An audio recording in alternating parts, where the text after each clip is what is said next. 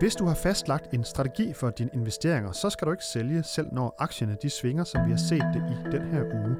Det siger Bo Schmidt, der er chefanalytiker i Nykredit med speciale i formue og investering. I ugens podcast kigger vi nemlig på, hvilke spørgsmål, der er kommet flest af til rådgiverne om på en hektisk uge på aktiemarkederne. Og et af de spørgsmål, det er altså, skal jeg sælge? Du kan også få svar på, om kursfaldene de ligefrem kan være en god mulighed for at købe op, og så giver Bo Schmidt til sidst et godt råd til investorerne. Du lytter til Nykredits podcast om formue og investering. Mit navn er Kasper Sagmann.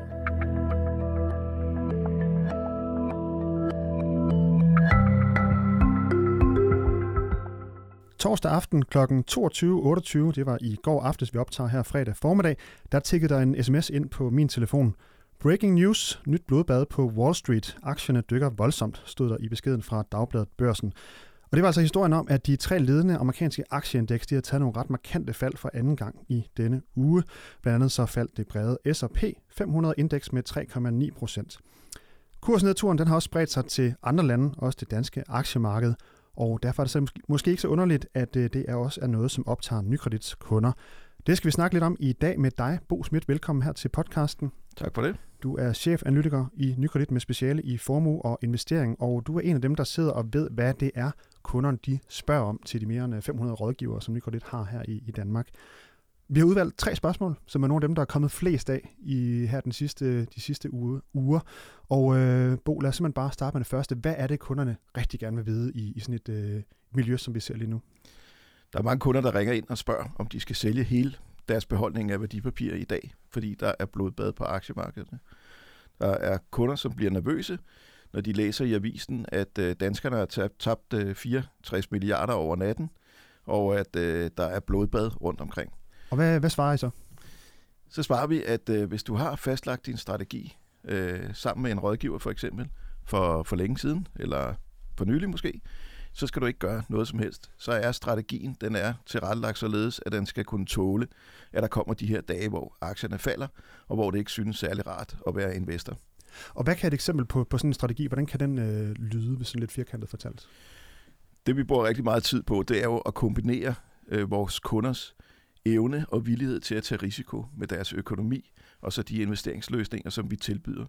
Og det, det handler om med øh, at skabe de her robuste afkast over tid, det er jo, at man har tid til at vente, at man ikke bliver tvunget til at sælge sine gode aktiver, fordi aktiemarkedet falder i, øh, i en kortere eller længere periode, men at man kan holde fast, sådan så man også realiserer de afkast, som vi forventer.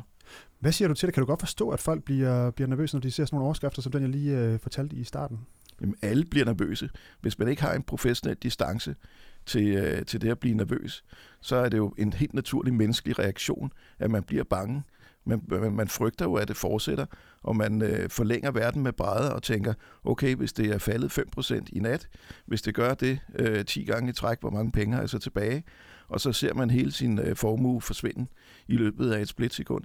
Så hvis man ikke har den her øh, gode strategi at læne sig op af, og man ikke øh, evner at se professionelt på det, så er det følelserne, der bestemmer, hvordan din portefølje udvikler sig, og ikke fornuften. Og det siger næsten sig selv, at det, det er måske ikke så hensigtsmæssigt, hvis det, hvis det er følelserne, der, der, der styrer beslutningerne. Det er jo i hvert fald det, vi kan se i vores analyser, at hvis det er følelserne og det er intuitive, der bestemmer investeringerne, så er det svært at tage, at, at tage den rigtige beslutning hver gang. Så tager man fejl flere gange, eller mindst øh, lige så mange gange, som man øh, har ret. Og dermed så øh, leverer man ikke gode afkast. Der, der bliver man nødt til at have en fast strategi, som man følger. Man bliver nødt til at have en analytisk tilgang til markedet, så man kan styre udenom de her følelser. Og Bo, jeg ved, du har arbejdet med, med investering og i faktisk 28 år, kom vi frem til, da vi snakkede sammen i går. ja. Hvor, øh, hvor usædvanligt vil du sige, at det her, vi har set i den her uge med, med de her fald, øh, som jeg lige øh, ridser op i starten også, hvor usædvanligt vil du sige, at det er sådan i det store billede? I det meget store billede, der er det, der er det slet ikke usædvanligt. Men jeg vil godt sige fra starten af, at øh, som rådgiver, så handler det også om at have fuld respekt for de følelser, som folk får, øh, og man bliver bange for at tage penge. Fordi det kan være penge, som er sparet op gennem rigtig mange år. Det kan være et livsværk, som øh, man har investeret. Så derfor er det helt naturligt, og, og, og de her ting skal jo skal behandles med, med, med meget stor respekt. Øh, når det så er sagt, så, så er det jo ikke unormalt, at aktiemarkedet falder 10% over en kortere eller længere periode. Og det er noget, som, øh, som de porteføljer, vi i hvert fald tilbyder, er, er, er konstrueret til at kunne, øh, kunne tåle. Så det er der slet ikke noget unormalt i. Der, hvor vi har set nogle unormale øh, ting, det er jo det her, hvor vi kalder det øh, 100 års øh, begivenheder, for eksempel. Det kaldte vi det under og efter finanskrisen, hvor det var nogle meget kraftige fald.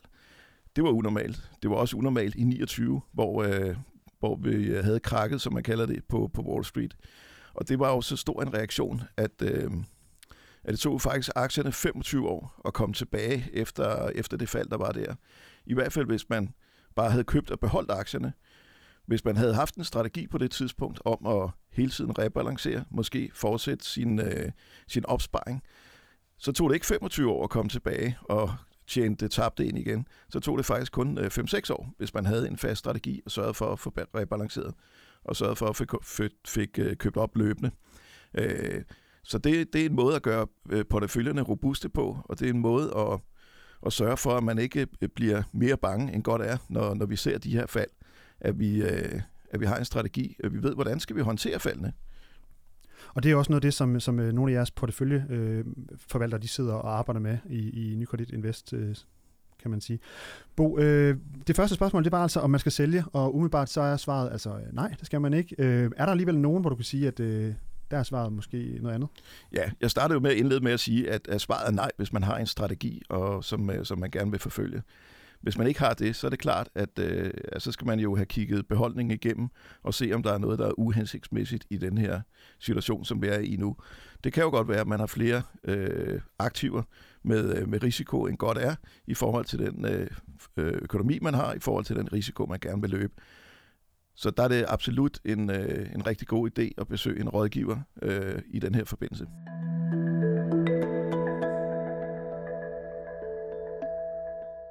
Og lad os gå videre til spørgsmål nummer to. Noget af det andet, som folk rigtig gerne vil, vil vide i de her dage. Øh, hvad er, hvordan lyder det spørgsmål?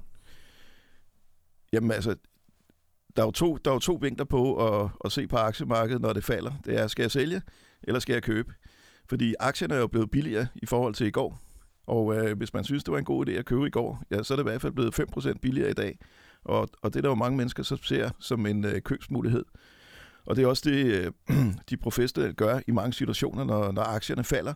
Så sørger man for at bytte rundt i sin portefølje og købe de aktier, der giver mest værdi på lang sigt til den billigst mulige penge. Og det er sådan nogle muligheder, der opstår, når markedet falder. Markedsfaldene giver også en god mulighed for at, at rebalancere sin portefølje igen og få købt nogle aktier på nogle niveauer, som ikke har været øh, muligt tidligere. Så det er absolut en, øh, en, en god idé at få rebalanceret sin portefølje, når aktierne de falder. Og hvordan gør man, øh, hvordan gør man egentlig det?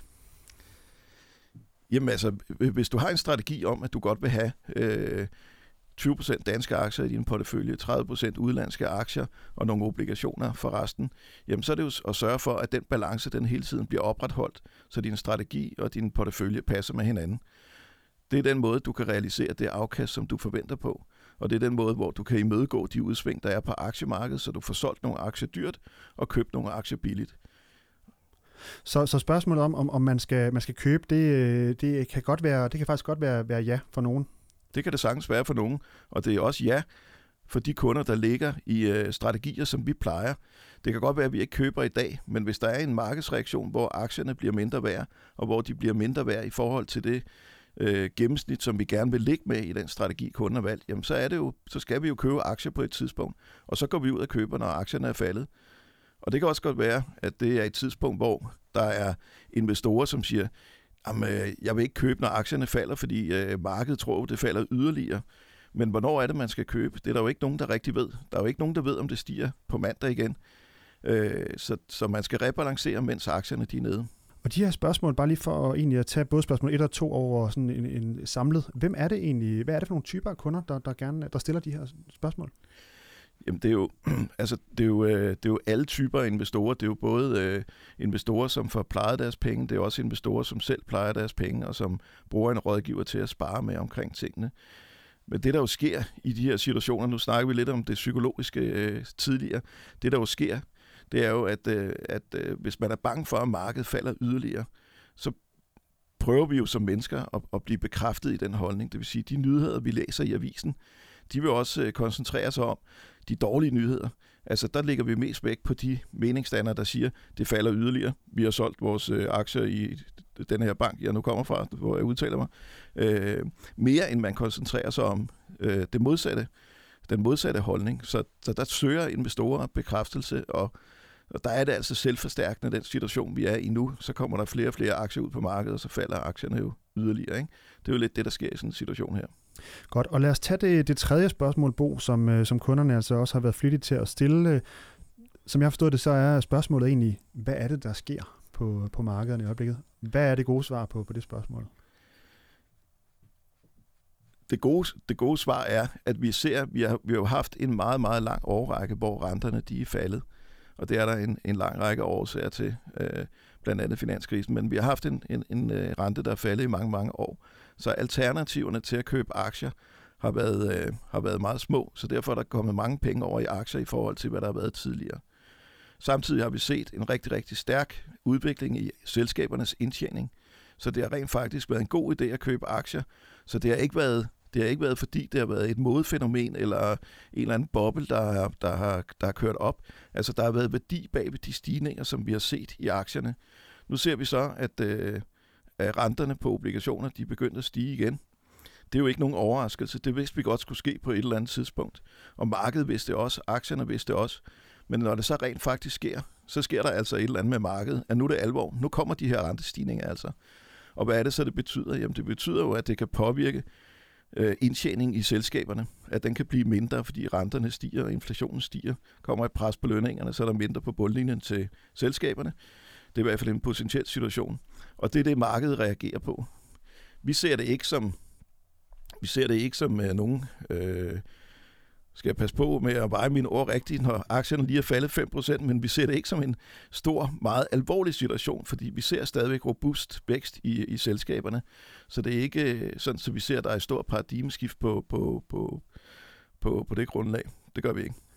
Men man kan godt som investor måske sidde tilbage og være lidt forvirret. Altså nu, nu faldt aktierne ret markant øh, mandag, så rettede de sig og steg lidt øh, tirsdag og onsdag faktisk, og så igen i går torsdag, øh, der ser vi altså igen et markant fald. Altså, øh, hvad er det for en, en, øh, en fornemmelse, du står med sådan her, her fredag eftermiddag?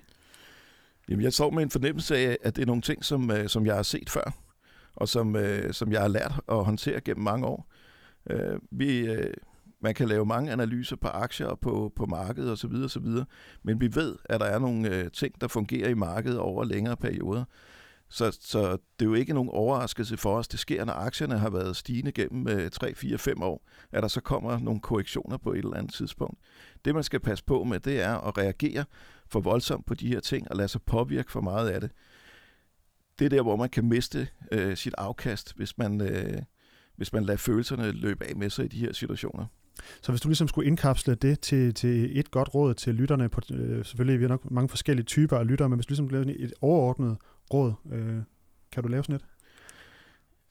Så skal man klappe sig selv på skulderen og så sige, det er, det er i orden at blive nervøs, men det er ikke i orden ikke at have en strategi. Øh, og hvis jeg har en strategi, så er der taget højde for de her udsving, der er, og så behøver jeg ikke være lige så nervøs, som da jeg åbnede avisen i, øh, i morges. Og hvis man ikke har en strategi, så kan man sikkert lave en sammen med sine rådgiver, tænker jeg. Så er det nok en god idé at komme øh, i gang med det her. Sådan lød rådet altså fra Bo Schmidt. Tak fordi du kom her i podcasten. Chefanalytiker med speciale i formue og investering i Nykredit. Du har lyttet til Nykredits podcast om formue og investering. Du kan følge podcasten hver uge på nykredit.dk eller iTunes, SoundCloud, Stitcher og TuneIn.